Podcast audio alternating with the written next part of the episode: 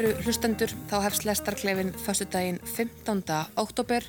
Við ætlum að vanda að fjalla um það sem að gefur lífinu fyllingu, nefnilega menningu og listir. Ekkert dægur, þrás eða pólitík, bara það sem er fallegt, litrikt og levandi. Gestur mínir í dag eru Guðmundur Andri Tórsson, reytufundur og stjórnmálamæður, Ingileg Friðriksdóttir, eh, fjölmjölakona og Stefán Ingar Vigfússon, uppistandari og sviðslistamæður. Komið sæl og verið velkomin. Takk. Við ætlum að fjalla um uh, þrá menningar viðburði sem að, að við höfum öll sótt í þessari viku. Það er uh, til að byrja með yfirlitsýningu myndlist Mugs, Guðmundar Péturssonar uh, Þorstenssonar sem að er sínt í listasafni Íslands þessa dagana og stendur fram til februarmánaðar. Uh, það er platan Eilifur snjóri í augunum eftir hljómsdana Kef Lavík og takið eftir ekki Keflavík, heldur Kef Lavík. Uh, þetta er uh, skemmtilegt band og þeirra fymta skífa sem kom út í ágúst og hefur vakið mikla aðtegli og mikla lukku hjá hlustendum þeirrar, þeirrar hljómsveitar. Og á lokum þá er það 25. Bond kvikmyndin No Time to Die James Bond verður hér umfyllunarefni þáttarins uh, í síðasta þriðjungi hans en við ætlum að byrja á yfirleitt um myndlist Mugs. Þetta er ný síning sem er í síndi listasafni Íslands. Muggur var listamæður fættur árið 1891 á Bildudal Láti 1924 aðeins 33 ára gamallur Berglum þannig að hans svona listatíð er ekki nema tíu ár. En enga síður þá er þetta uh, yfirgripsmikil og falleg síning. Ef við byrjum kannski á þér Guðmundur Andri, sko hvað svona vakti sérstaklega aðtiliðina á þessari listasíningu? Ég kom falleg, hérna, það er bara strax að ég kem inn, sko þá uh, maður sér hann vera þarna úr, úr myndinni sögu borgarartinnar og maður sér hann vera hérna, að spila fiðlu mm.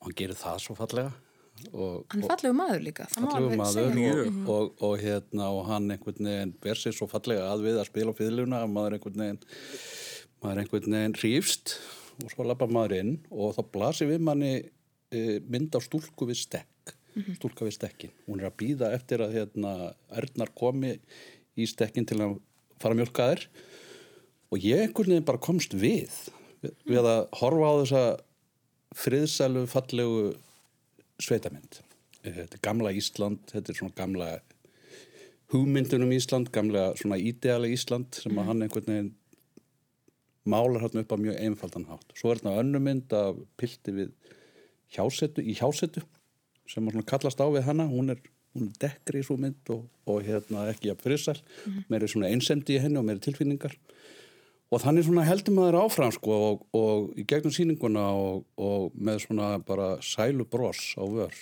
Uh, það eru myndi frá Íslandi sem eru svona mjög svona svipmyndir úr mannlífinu eins og mm. það er.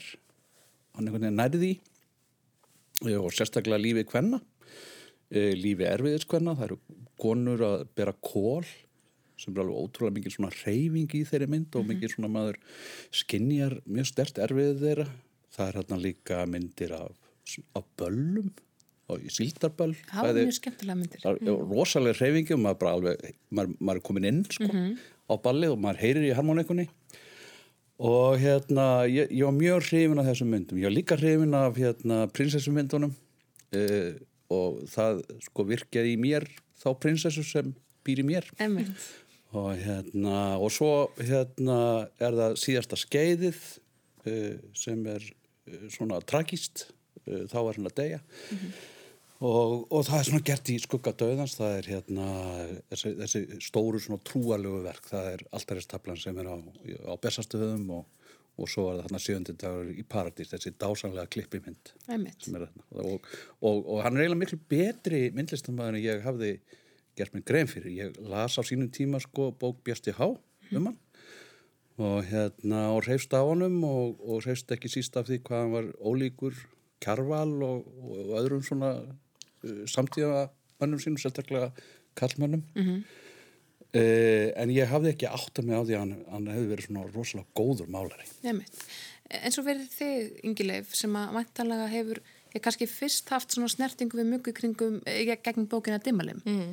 sko, hvernig var fyrir þig að sjá bó, Dimmalim handritið er á síningunni mm -hmm. uh, það er að mörgum svona já, það snertir svona batsrætunar í okkur en þessi síning er miklu yfirgrips meiri en það Já, ég mitt svona kveikt ekki alveg á þessari Dimmalim tengingu fyrir að ná síningunni og þetta er svona auðvitað bók sem að, að ég hérna, las mikið sem krakki og svona saga sem að snerti svolítið við manni og hann alltaf skrifaði söguna mm -hmm. og myndskreiti uh, þannig að mér er svona svolítið skemmtilegt að sjá það á síningunni en einmitt, svo er þetta svo umfangsmikið og hann mjög fjölbreyti eða svona með mjög fjölbreyta list og greinilega mjög svona fjölhæfur mm -hmm.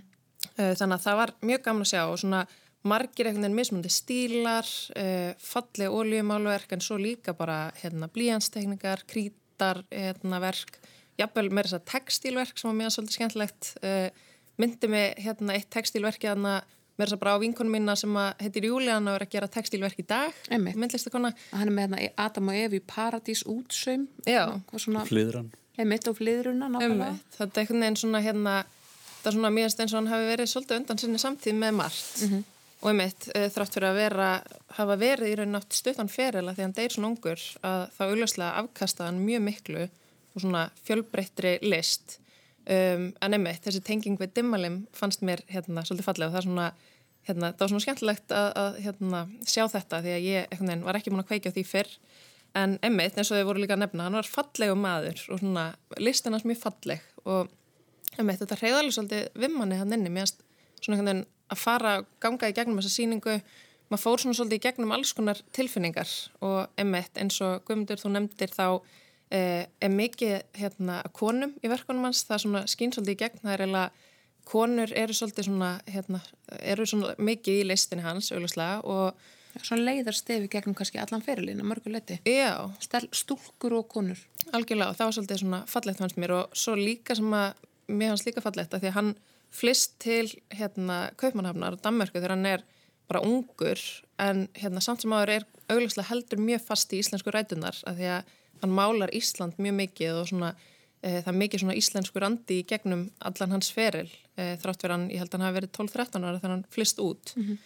e, þannig að, já, hann er greinlega stoltur Íslandingur og hérna svona, já, mjög falleg listinans og, mm -hmm. og mér finnst þetta svona síning emitt sem að ég svona ég vissi ekki alveg að ég væri einhvern veginn að fara inn í svona rosalega umfangsmikla fjölbreytta síningu fyrir hann að, hérna þangað að koma og ég bara var mjög, já, mér finnst það mjög falleg síning. Mm -hmm. Stefan, tókst þetta því hvað mugur hafi komið víða við?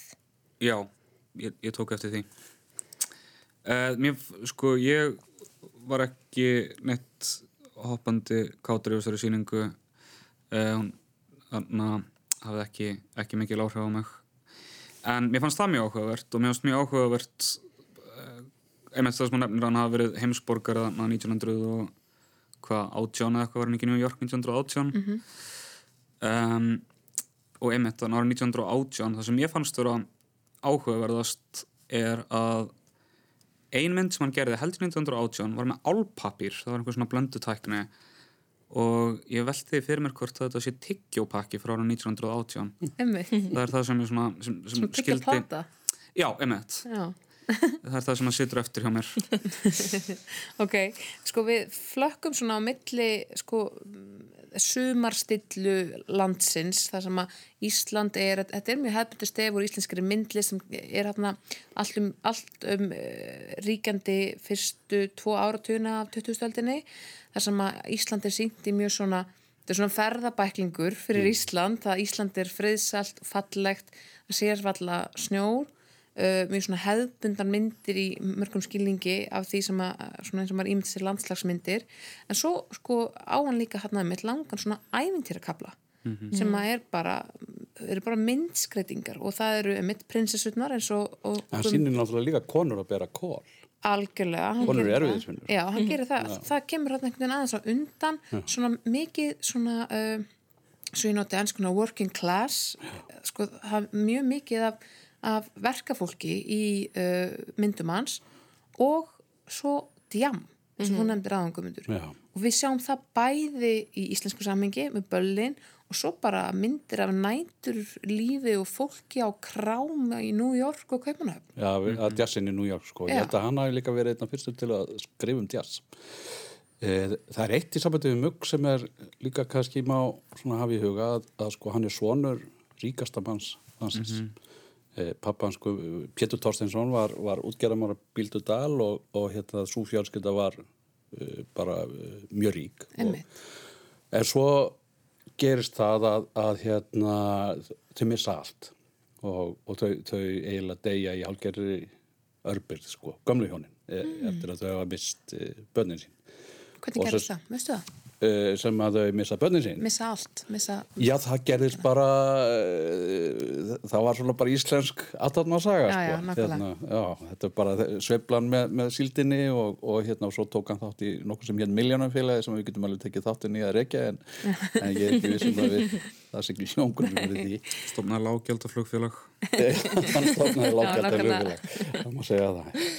Það er meitt skemmtilegt að hann er svona mikill stemmingsmaður, sko. Algjörlega. Þannig að hann er alin upp sko við alveg rosalega efni og hann getur farið þákað sem hún sýnist og hann getur gert það sem hún sýnist og, og þannig verða stundum líka til listamenn sko. Já, algjörlega.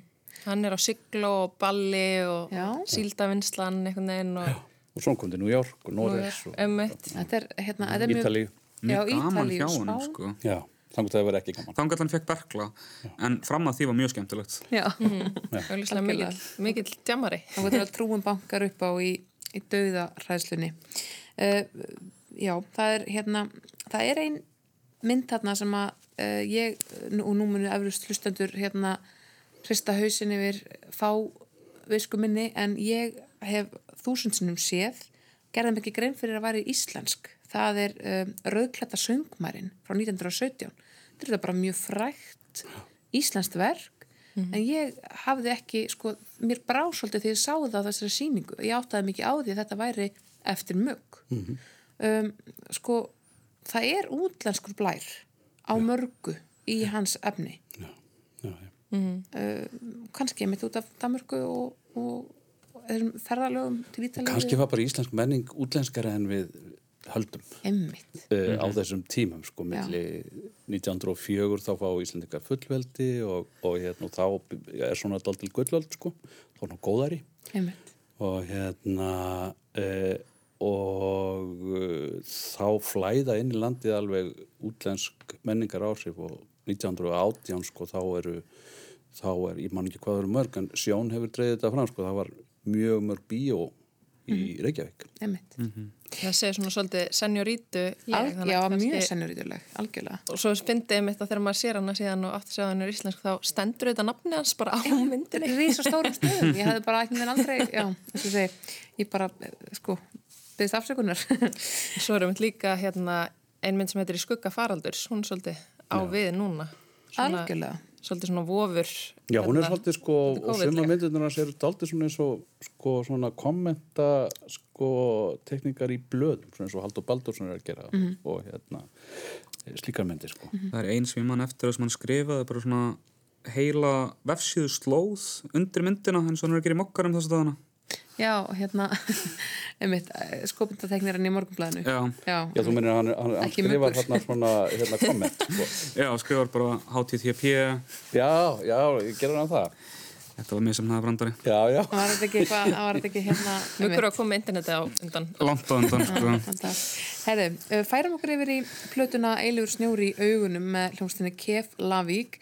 Uh, þessi plata kom út í ágúst síðaslinum og ég fór að útgáfa tónleika sveitarinnar á Keggs 8. oktober þar sem að já, það, ég get bara heiklust sagt það, svona 90% af fólkinu var undir 25 ára.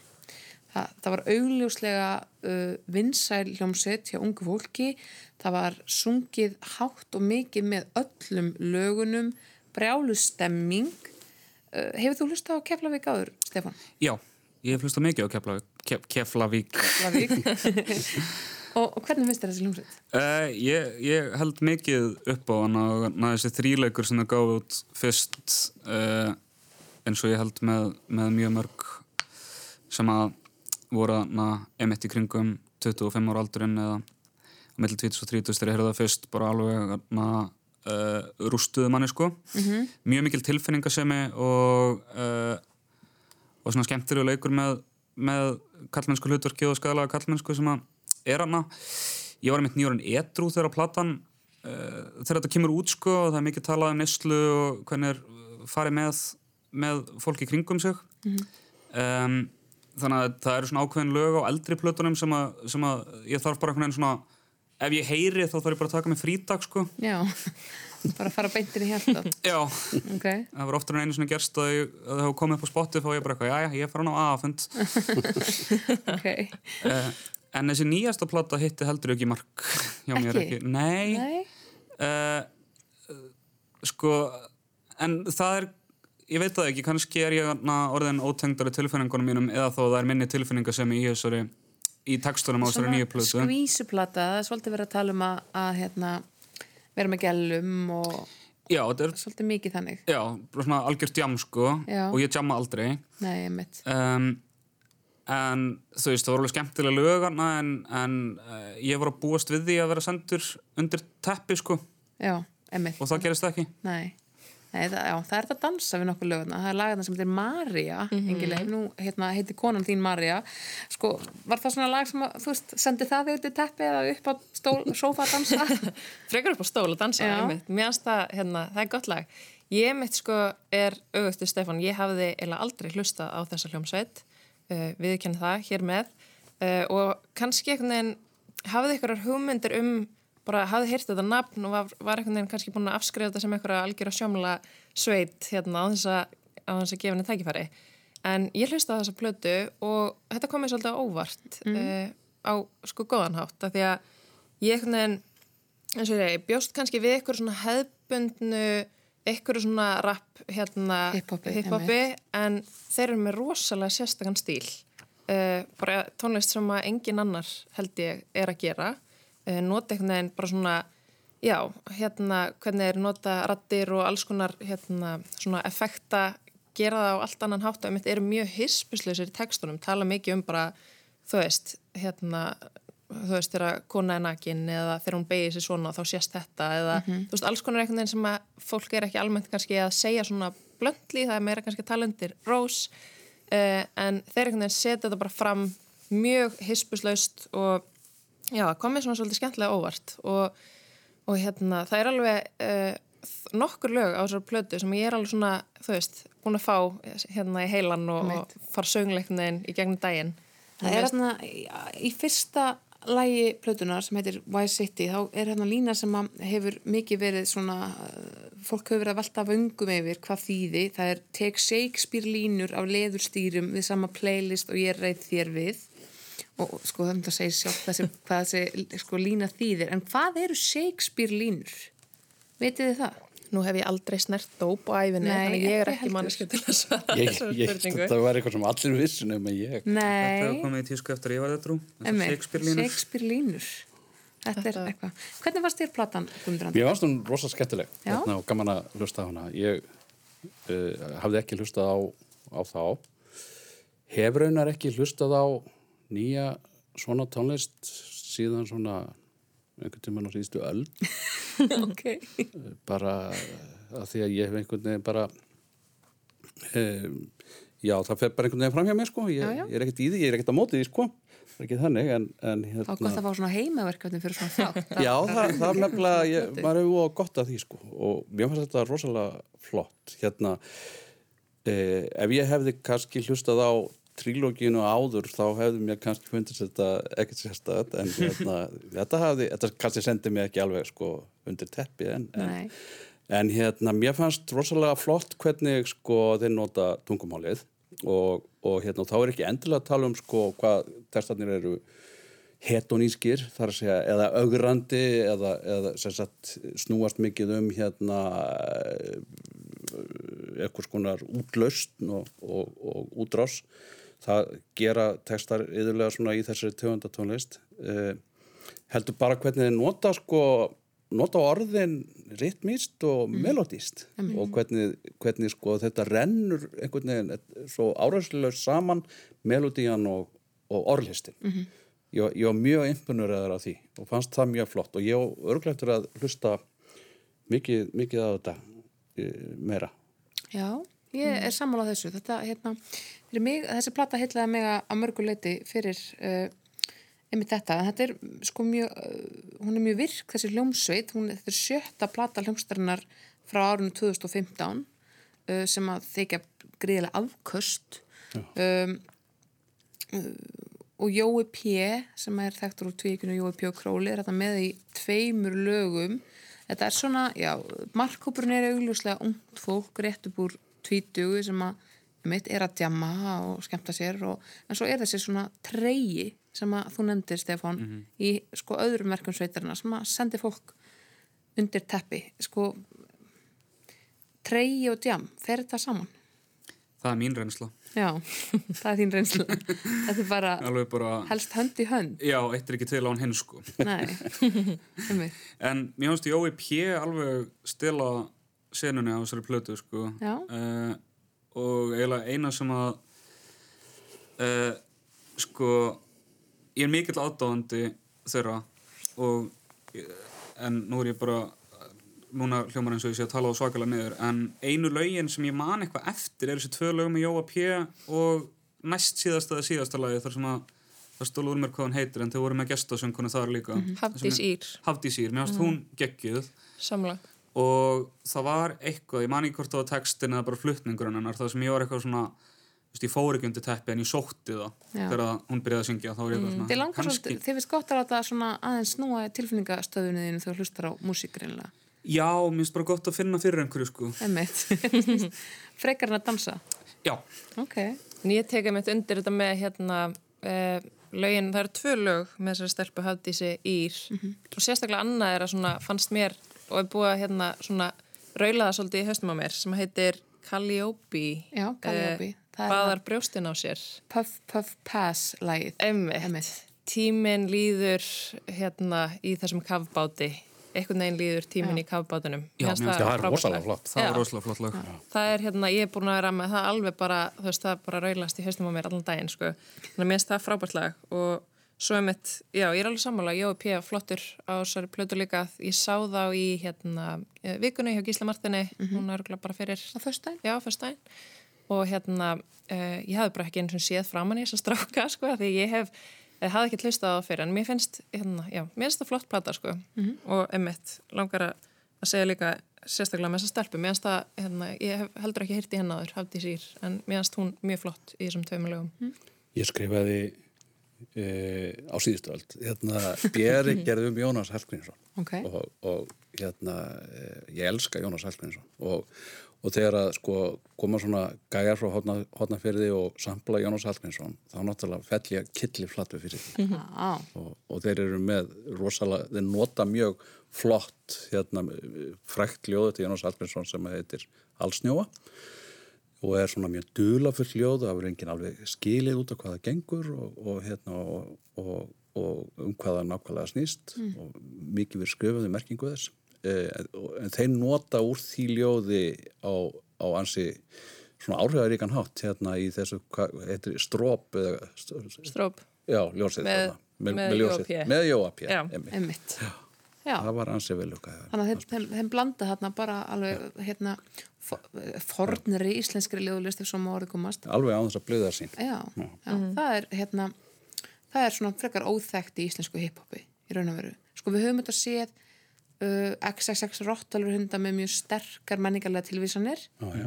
en það hiphop sem hefur verið í gangi sko, síðustu tíu árin hefur kannski ekkert endilega verið mjög vel lesið ef svo má orðið komast. Nei, Það men, var ekki, en maður tekur samt eftir því sko í, í þessu það, það er eitthvað sér íslenskt það, það sem ég hef heyrt af þessu íslenska hiphopi sko er að, er að sko það er hvernig þetta fólk notar tungumálið -hmm. og mjög frjóan og, og skemmtilegan hátt algjörlega. Já, Við vindum okkur að lókum í uh, það sem að allir hafa beðið eftir uh, í átján mánuði bókstaflega því að uh, það er kvikmyndin No Time to Die úr James Bond kvikmyndaflokknum.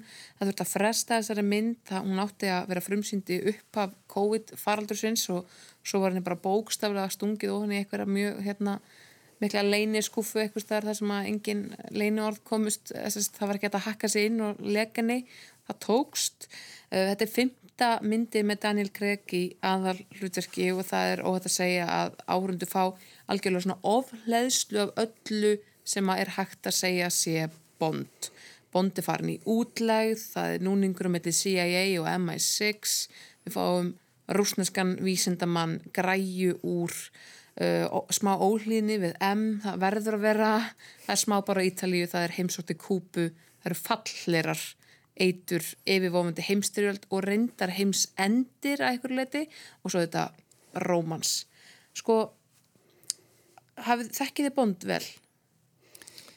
Ég ætlaði að horfa á allar James Bond myndinar í faraldrinum en uh, það er eiginlega bara ómögulegt að horfa á fyrstu Fyrstu myndinar? fyrstu myndinar um, Af hverju? þær eru svo ljótar.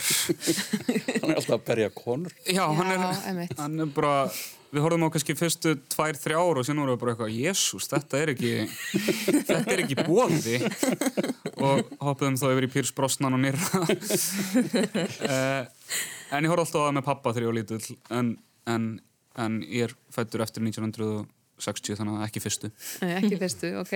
En þú, Guðmundur Andri, þetta... Já, ég er náttúrulega eh, hérna, já, já eh, maður fylgist með þessu þegar maður var ég, ég, kannski þegar ég er úlingur þá er, þá er Roger Moore dálítið mikið Emitt.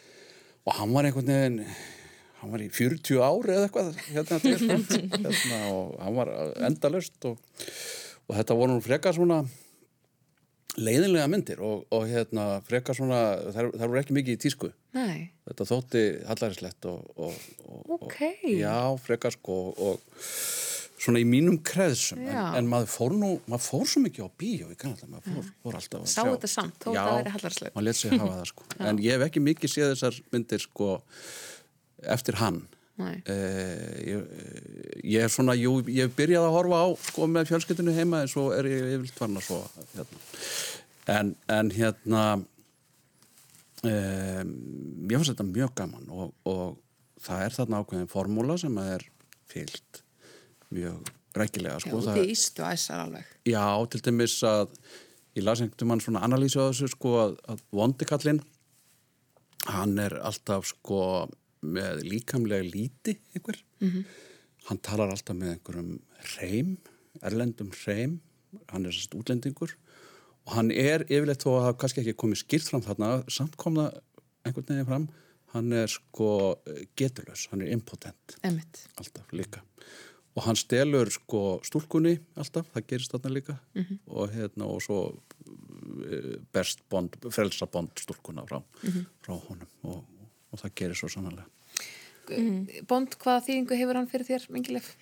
Sko, ég hérna var einmitt svona horfð alltaf á Bond með pappa og með ég var lítil. Þá var Pierce Brosnan Bond og ég svona tengi hann rosa mikið við þetta, hérna, þetta koncept James Bond. uh, þannig að þegar að Daniel Craig var James Bond þá fannst mér rosa skrítið að Bond væri ljósærður. Þú veist, mér fannst einhvern veginn James Bond alltaf eiga að vera þessi dökki einhvern veginn Pierce Brosnan típa. Uh, en mitt svo fannst mér náttúrulega mjög skrítið þegar Pierce Brosnan fór svo að syngja í Mamma Mia þetta ég tengi hann bara við Abba sko. Ekki það sem meikaði sens en, bara það svona... en mér finnst Daniel Craig frábær Já. bond. Uh, þegar hann fór að venjast og ljósa hárið og allt þetta þá, hann svo líkur herði torfa sinni finnst mér. já, Já, það er ágætispunktur já, Það er mjög ekki góð. leiðum að líkjast. Nei. nei, Hann er svona dýpri Bond en við höfum fengið að sjá. já, mér finnst hann alveg frábær og hef svona yfirleitt hort á þessu myndir. Uh, ekki þessar gömlu emitt, en hérna hef hort á þær svona þegar þær koma út. Og þessi allir ekki von bröðum verði ég að segja. Það er eitt nýtt, ég, ég taldi hérna upp að hann sko, mörg bond uh, svona element. Þegar maður ma sér aftur í gegnum þú veist, það eina sem vantaði í raun og veru voru hákallar og leysigesslar þú veist, maður hefur séð í gegnum þessar myndir í hérna, ára raðir en það var einu stóru uh, einu stóru þætti bætt við spennustíði þessari mynd uh, sem maður langar að spyrja ykkur aðeins um sko, hvern, hvernig ykkur fannst. Það er barn í hættu. Um ekki sé það áður í bond. Sko barn sem við sem árundur erum búin að tengjast tilfningaböndum mm. fannst ykkur það ekki oflangt gengið eða var þetta bara he- he- hendaði sjanranu Mér fannst þetta mjög erfitt sko. Já. Ég, hérna, ég grét á þessar mynd sem ég held nú að myndi kannski ekki gerast Einmitt. á bondmynd sko. Uh, og í bíó í ofanálag uh, en hérna, mér fannst þetta þannig að bara skiptir eiginlega máli hvaða hérna svona senur badni sett inn í sem eru erfiðar þar hérna er ég alveg bara komin út af læginu sko. uh, þannig að þetta hreyfiði alveg mikið við mér uh, þessi stelpa, þessi litla var alveg frábær þetta í þessari mynd, veginn ótrúlega fallegt badn og ég var bara alveg hérna, fór í ykkur tilfinningaklessu sko. Já. um, þannig að það bætt alveg vissulega við, svona auka leigir af fyrir mig kannski ákveðinni dýft að því að sko bond verandi einhvern veginn spólandum á okkur móturhjólum og einhverjum bílum það nær svona takmarkað einhvern veginn á okkur dýft hjá mér þú veist, Ég maður hefur ekki mikl, miklu ágjör af hann með bílætningaleik fyrir hann er komið með barn, í barnabílstól aftur í. já, þar erum við komin í svolítið annað game sko Já. og ég átti pínu erft með það en á sama tíma held ég að það hafi líka verið það sem að reyði svona mest við manni í þessari mynd að maður var einhvern veginn orðin svona tilfinningarlega tengdur þannig einhverju badni og var farin að hafa miklar ágjur af því Hvernig, varst, hvernig streik þetta þér, Stefán? Já, mér fannst virka mjög vel að hafa barn og núna verðin að rifja upp hvort maður hafi nokkuð sem hann séð barn í James Bond bara Ég held, yfirleitt ég held sko. ekki, ég held sko ekki þannig að allavega það hérna, spilir svona stóra og mikilvæga rullu. Nei, einmitt, og þegar barnið kom fram sko og það eru bara þegar barnið stegin í ramma þá er ég bara eitthvað, hvað er að gerast? Já. Barn að gera inn í þessu húsi?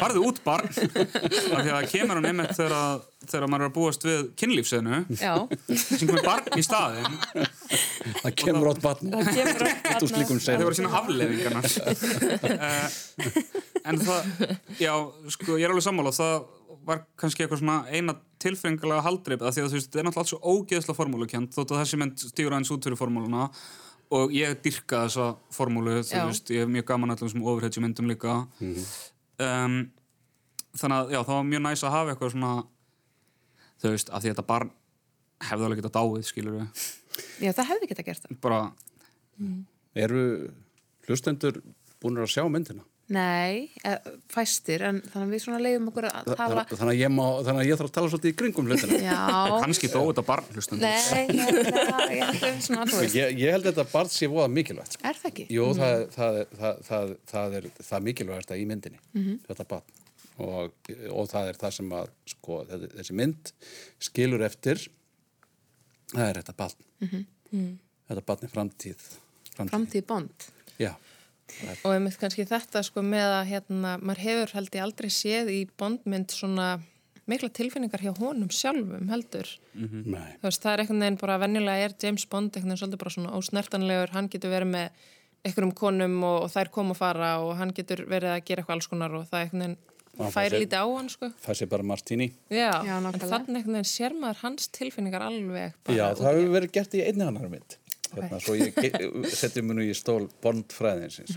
Það var hérna myndin sem að eiginlega allir eru búin að gleyma með Bondinu sem allir eru búin að gleyma. Hann hétt George Lazenby. Ég man ekki hvað myndin hétt. En hann gifti sig í þessari mynd.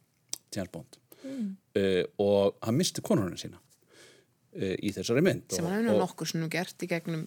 Já, en, en sko hann grét. Hmm. Mér minnir það. Mér minnir hann hafi verið grátandi í bílaeftingaleg. Einhvern veginn, einhvern veginn minnir mér það. En það sem er sko... Það-. Það sem er, það sem er svolítið svona flott er að sko einkennislag þeirra myndar var hérna lægið með Louis Armstrong We have all the time in the world sem þið munið eftir hérna kemur hérna í lokin þetta mann Hann segir þetta þessu? í þessari mynd. Já, og, þetta, og, og við heyrum þetta lag, það er svona hintað að því í músikinni af og til, sko, þessu lagi, kemur alltaf svona hljómagangurinn og, og svo kemur það sko í lokin þetta, þetta lag, Louis Armstrong að syngja þetta lag og þetta er lagið úr myndinni þegar að James Bond hafði gift sig á sínu tíma. Þá var það Bond-lagið já. og hérna, og þannig Ég er alveg stúm hérna bara. Já, ég fekk smá gæsa á já, þann, þannig svona lokast eitthvað ringur Einmitt. Hann segir þetta í tvisvar í myndinni. Hann segir þetta bæði í byrjun. og það er náttúrulega það sem þau hafa einmitt ekki. Nei, einmitt. Það er, sko, um leið og hann segir þetta, we have all the time in the world, þá veit maður að það er ekki rétt. Já, já. Það veit Svo er maður að náttúrulega þetta er bara svo döðadægt. indislegt að heyra Louis Armstrong syngja þetta lag. Já, frábært lag. Magna, þetta er hérna, þetta er uh, merkilegt uh, það er annað svona fjölskyldu element sem að kemur inn í það þegar að hérna uh, já núna bara vara ég hlustendu við sem er ekki búin að sjá þessa mynd af því að ég ætla að hérna, fara aðeins inn í svona smáatriði í sögutræðinum uh, þegar að eitt illmennið þau eru svona nokkur í þessari mynd þó að, að Remi Malek, Rami, Remi Malek sé hérna aðal illmennið um, þá er eitthvað sem að tala um bræður og hann segir sko ég átti bróður, hann hétt Felix Leiter Leiter uh, sem að eru þetta CIA uh, uh, hérna félagi hans sko Já, einmitt, já. Já, uh, og, þ- og þetta er svolítið svona, veist, þarna er maður sem að, hann var að vinna með CIA og það er augljóst að sko hann snertir við honum. Þó þeir séu ekki bræður í alvöru Bræðralæð. það er bræðrarlægið munum við eftir þessu í bóndmynd áður þar að segja að hann hafi tengst kallmanni svona sterkum tilfinningaböndum að, að hérna, hann er til í hefnans Ég man nú bara ekki almennt eftir að hann sé mikið að sína neinar tilfinningar svona Nei, eins og þarna að finna svona einhvern veginn stert það það hafa allir bara hrunni í kringum hann, ég veit ekki hver hefur ekki dáið í þessu myndum hans. En hérna það einhvern veginn virðist, hann heldur alltaf bara áfram. En þetta er náttúrulega, sko, er í öllum hetjusögum. Það er, sko, hetjan á sér eitthvað, sko, svona band, Fóstbróður. best, besta vinn, fórstbróður, sem að stund, oft deyr og þá hefnir hetjan hans og, og, hérna, og, og hetjan sínir þá, sko, hefur, hefur mikla tilfinningar og, og, og þannig, að, þannig að, sko, ég býst, býst við þetta hafi verið í, ég kann nú ekki bóndmyndirnar nei, nei, nei, nei, nei. greinilega samt, það er svona ýmislegt sem er komið þetta fram sem við höfum ekki hugmyndum um, En ef maður skjóta henni við Já, um tilfinningar, uh, sko, í byrjuninni, hvernig, uh, sko, maður sjá meiri dýft á hann um tilfinningar en ofta hvernig hann kemur fram við hana, þetta er hann ekki Vesper Lind, sko Vesper er, er fyrirverandi Fyrrverandi. kona hans Það að er svo sem er dáin. dó Sú er dáin. Casino Royale Já. já, mm -hmm. allavega, þannig að hvernig hann kemur fram við kæristuna sína þegar hann Madeline. hætt- Ma Madeline, já, þegar hann hættir með henni sko, það voru líka einhverja svona sterkustu tilfinningar sem ég hef uppfundið fyrir svona gagvart James Bond, þar sem að maður er eitthvað maður svona skilur hvað hann er að gera en maður er líka bara eitthvað svona vá hvað þú ert að vera mikið dick núna. Já. Já, nákvæmlega. já, já. en hann gæti ekki tristinni það er auðvitað alltaf stóra sko það er, það er klafin um háls James Bond. Það er þetta mikla vantraust sem að hann verður að hafa uh, í garð þeirra kvenna sem koma inn í lífans þar hafa svikjan meir og minna í hendur einhverja Sko þetta, þetta er allt byggt á bókum eftir Ian Fleming sem að hérna, ég hef nú aldrei ne- nefnt að lesa neitt af þessu. Ég held að enginn hafa en, nefnt að en, lesa en, en hérna einhvern veginn las ég eitthvað um þetta og, og hérna og það er bækur sko engjannast af, af sko hvern hvað hva, hva, hva orða ég að nota? Hvern hatri. Já, Já, e, og, og hérna og þar er Bond miklu svona eiginlega anstíkilegri persóna sko, heldur, en, heldur en svo sem að byrstist okkur í myndunum. Kannski er Sean Connery nærði sko, en, en, en allavega þessi Bond sem að ég hérna vandi sem var Roger Moore sem var alltaf með þetta, þetta svona glott sko og, hérna, og var svona eins og hann bara á leiðinni sturtu, nefndi þessi ekki alveg hérna, uh, hann, hann, var, hann var svona frekar indell en, en í þessum bókum þá það, það það er engjannast bæði að kvennhatri og, og svona einhverjum, einhverjum svona óuppgerðum floknum, erfiðum tilfinningum. Mm og um, sko ég held þessi rauður þráður í öllu því sem að við vorum að gera. Hérna, það er muggur uh, það er Kef Lavík og, og það er James Bond. Og rauður þráðurinn í þessu sýnist mér er hérna endalók kallmennskunar einmitt. Uh, endalók hennar sko hefðbundnu hugmynda um kallmennsku. Uh, James Bond gengur út á það að öðrum þræði sko að, að hinn enski kallmaður skipti einhverju máli sem hann gerir augljóslega ekki. Uh, og uh, þetta kannski gengur út á það núna að kallmaðurinn sem slíkur uh, hinn hefðbundni kallmaður með, með þeim hefðbundnu svona uh, tækni sem hann hefur yfir ráða að hann skipti máli en það er augljóst að svo er ekki hann er hættur að skipta máli Þetta er fall kallmennskunar. Já. Mm Eru þið sammálað þessu? Já, þegar þú stillir þessu svona upp þá, þá er alveg hérna emitt í gegnum þessa, þessa þrjá eitthvað neginn já, þessar þrjár síningar eða, eða listir sem við erum búin að snerta og þá auðvitað eru, þú veist, maður sér það eins og hjá möggi, þar eru konur eru svolítið mikið svona eitthvað neginn svona sínilegar í öllum hans verkum. Um, og emitt svo hjá Kef Lavík, það er, það er augljóst að hann að þeir eru mjög undir Brotnistrákar. Já, og undir áhrifum einhverja hérna kvenna sem að, sem að hérna eru, já, svolítið sterkar örgla og flottar. Og svo einmitt þarna, þetta er, þetta tvinnast einmitt svolítið saman. Konur eru bæði ábyrrandi og svo einmitt þessi kannski endalog e, þessara svona eitruðu kallmennsku. Já, það er eiginlega það, já. Já, En sko ég veit nú ekki með, með James Bond hvort að það sé endilega endaloka því að annars að gefa upp hvernig myndin endar og mikið þá tekur hann mjög toxic ákverðin í ljósið sem er búið undan í gengið sem að önnur manneskja af öðrum, öðru kyni og, og, og kynþætti var alveg jafn færum að gera en hann er hann með einhverjar fórsendur fyrir því að hann ætti kannski ekki endilega að gera sem hann er að gera en hann verður að gera það skilur hann tekur þá ákverðin og það skiptir síðan sköpun. Þannig að þú veist að einhverju leiti finnst mér það að upphefja þessa þennan nöðsynleika hins hvíta kallmanns í þessum söguheimi skilur að hann hafi verið þarna eftir Já, gert hennan hlut. Já, það er alveg rétt. það er enda mjög góða punktur og líka endurheimtir uh, án þess að, að það sé einmitt gefa upp á mikið, uh, sett fyrir ára á hérna, að vera að spilla, já, að hérna endurheimta 007, þú veist, hann verður svolítið ónáðumitt í þessu þessari baráttu sinni við uh, þessa sterku, flottu konu sem er auglustlega gæti tekla þetta allt saman sjálf, sko. Þannig að þetta er góða punktur. En hérna, en mér er samt það sem að einmitt uh, er flott í þessu er að þetta ramma svolítið inn hans tíma, hans Daniel Craig sem Bond. Hans saga er svolítið einhvern veginn bara svona pínu standalón í, í þessum Bond-ferli öllum saman. Þetta er auðvitað senasta myndin hans sem Bond. Um, og mér finnst einhvern veginn, já, svolítið flott hvernig þetta er svona hans myndir eiga sér eitthvað skonar upphaf og, og endi. Þetta er seinasta mynd James Bond sem James Bond. Heldur það? Sko, ef við tölum að því þú talaðir hans um uh, Nomi sem að er hvernhetja þessarar myndar uh, og uh, hún uh, er sko, ég er ekki að spilla neina úr þessar mynd til segi að, að, hérna, að því að það var gefið út fyrir myndina, þar að segja áður nátt að frumsýnana fyrir einu hálfur síðan að hún væri 007 og það varð allt vittlust. það var auðvitað hérna bara fjölmjöla sko stönd hjá uh, framlustufyrirtækinu af því hún er svört kona. Um, mér fannst persónulega af því að hún er augljóslega mjög fær. Það er ekki í henni uh, þessi svona veikleika merki sem við höfum séð hjá konum í gegnum uh, kveikmyndabálkin, jafnvel sko sterkum konum sem þarf samt í raun að vera að hjálpa.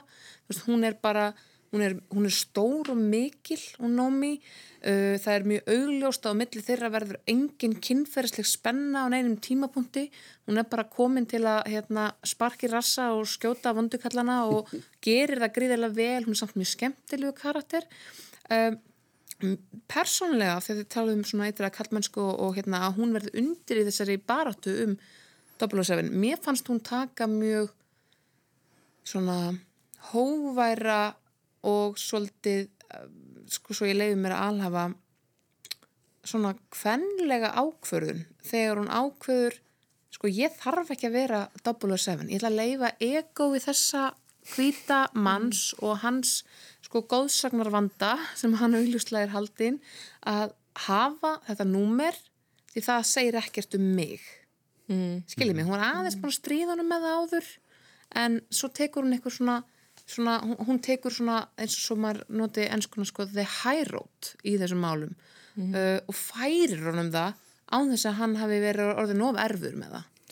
Og það er einmitt mér stað einmitt hérna svolítið flott hvernig það er spila það verður aldrei eitthvað svona það verður aldrei eitthvað svona rosa barátta um þetta, þetta verður aldrei eitthvað svona rosa tókstreita þegar á milli, þetta er einmitt smá svona stríðinni bara, en svo er það eitthvað bara afgreitt. Mm en að því við vorum að tala um konur líka þá langaði mig að hérna, nefna líka hana Palómu sem að kemur inn þarna í, í uh, Kúbu Á Kúbu, já, Já, einmitt. og Ég mér er fannst miklu hún fyrir að sjá hana sem næsta James Bond. Vá, hún var rosaleg. Mér finnst hún eða skili hérna hrós eftir þessa mynd. Mér finnst hún alveg frábær. Uh, flott leikonan uh, sem að mér skilst að hann hafi valið sjálfur inn í þetta hlutverk, hann Daniel. Já. Já. Og mér fannst hún algjör töffari þar aftur, hún var bara sterk kona, hún það þurfti enginn að bjarga henni, hún kom bara til að bjarga málunum, sko. Þannig að hérna, mér finnst hún mjög flott. Sko, en hún platar mann svolítið, hún kemur aðeins inn á þessi svona element sem að, að hérna, til að byrja með. Maður heldur, já, ég hef nú séð svona bondgælu áður, ok, hún er hérna smá klaufi og smá kjáni og ok, þú veist, hún, hún mun potti eitt óvart skjóta vondakallin akkurat þegar að James Bond er komin í geðveikan vanda og það verður svolítið svona ups, en svo var hún ekki þannig hún, hérna, hún leik á okkur en hún leik kannski á hann hún sagði honum að hún væri kjánaprygg Mm -hmm. Sæðan hún að hún hefði fengið tveggja vegna þjálfun og svo er hann einhvern veginn bara svona, já, tveggja vegna þjálfun, Já. emmitt. Þegar þú mætir hérna bara meira töffeldur en ég sjálfur. algjörlega, algjörlega með þetta á hreinu Já, finnst það Eh, mjög flott. Stefán, uh, rétt uh, í lok, lokin árum við slúttum þessu, hvernig fannst þér aðal íllmennið hvernig fannst þér hann uh, Rami Malek uh, leysa það af hendi? Mér finnst hann geggjaður leikari. Mm. Að, já, mér finnst hann mjög sannfærandi og, og creepy og ég náði að hafa einhverja smá samkend með honum. Er það? Já, hann er kynntur hann inn í byrjun sem einhver sem er búið að missa alla fjölskylduna og þú veist, vissulega ætlar hann að skjóta barn. En hann gera það síðan ekki. Eh, eða skilur þegar hann er hann komin með hann öll völdin undir sig þá hef ég einhver samkend með honum en þú veist uh, ég veit það ekki, mér finnst hann einhvern veginn ekki bara vera eða skilur, mér finnst hann ekki alveg vera ílskan 100% upp málið. Mér finnst hann bara ætla einhvern samt veginn- að eyða mannkyninu alveg hérna. Já, hann ætlar það alveg en Nei, ég veit það ekki, mér finnst maður eitthvað að sjá í barnið á honum, skilur þann er hann á sínum æskuslóðum og, og hann er brotinn. Ég vorkend honum ekkert, skilur, ég held aldrei með honum. En, en mér fannst maður að sjá að, að, að hann hef ekki átt sjö dagan að sæla áður en hann stopnaði þetta kvöld. Ok. þetta heimsenda kvöld ok. Hvernig fannst ykkur, var þetta hérna Heyrir hann þetta nokkuð? Hérna, Rami, leika- le- leikarinn, já, minnst nei, ólíklegt Já, mér fannst hann ekki góður. nei, mér fannst, og mér fannst hann ekki góður Freddy Mercury heldur. nei, einmitt, Hérna, ég bara held ekkert upp á þessum leikar. Því miður. einmitt. Ég ætla einmitt að segja að hann er, fyrir mér er hann bara Freddie Mercury, sko. það er hérna, mér af því að það er svo, það er búið að spila þá mynd mjög mikið á mínu heimili, sem sagt, ég á 14 ára strák sem að er gjörsamlega bara, Ég finnst svo merkilegt fyrir gjöðu, sko. Mér finnst svo merkilegt að fylgjast með atriðinu þarna á, á tónleikonu, sko, þegar að hérna, hann, hann, hann tekur hverja reyfingu Freddy Mercury og, og, og, og kópið hana. Og þetta er allt eins, nema bara eitt sem vantar. Það er útgeislinu, Já, einmitt. finnst mér.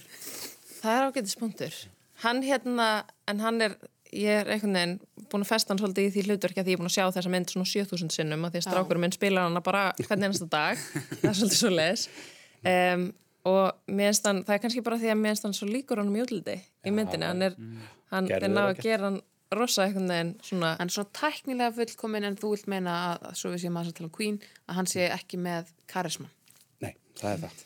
Já, ég veit ekki hvort ég taki undir það sko. Mér finnst hann mjög flottur í þessu hlutverki en það er kannski meitt, svo sé ég hann í, í Bond og þá er hann svolítið bara hvað er Freddy Mercury, einhvern veginn alltaf einu að gera ammyndaður framann Freddy Mercury með húðvandamál. já, einmitt, já, en hérna, mér finnst hann já, hann er með eitthvað svona uh, já, eitthvað svona smá sem að mér finnst ég stundum ekki sjá hjá öðrum leikurum, það er eitthvað svona það er eitthvað, ég veit ekki alveg, ég get ekki alveg sett fingurinn á það, hvað það er hjá honum Rami Malek, en mér hann Stert andlit.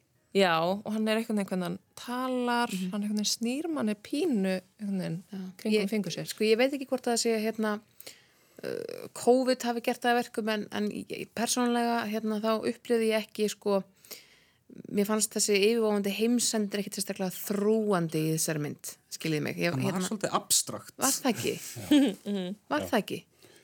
Mér fannst það. já, þetta er eitthvað svona dæmi sem að skilur ekki alveg hvernig virkar og ef að þessi vondi, þessi vondi kall ætlar ekki endilega að gera neitt en kannski ætlar einhver annar að gera eitthvað sem að fær dótið hans. Já, Já, þetta var líka, þetta var kannski pínu flókið þegar maður vissi ekki, sko, ef að þetta hérna, plan verður skemmt af bond og, og félögum, um, það að eigða einhverjum gögnum mun það þýða samt einhvern veginn að þeir sem eru nú þegar farnir á stað með þetta muni samt geta einhvern veginn eitt eitthvað skonar teiminum. Já, þetta er svona, pínu hef kannski tæknilega flókið. Ég hef aldrei reynd að skilja hérna, þetta en það var ekki einn það sem hann ætlaði bara eitthvað ég ætla að setja risavaksin gessla á tunglið og sprengja jörðina já, þá veit maður alveg hvað er að fara að gera skilur, það er komin leysa gessla á tunglið og jörðin verður sprengt Já, já. Já, það er svona ein, það er einfalt. Það er, hérna, já, það er allavega hægt að leita, leita, leita sér að, að hérna góðum hugmyndum uh, til þess að eða heiminum í James Bond og við bara mælum með því fyrir alla sem hafa áhuga á því.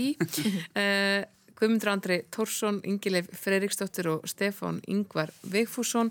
Takk kærlega fyrir komuna. Lestaklefin er komin á endastöð í dag, 15. oktober og ég þakka kærlega fyrir mig.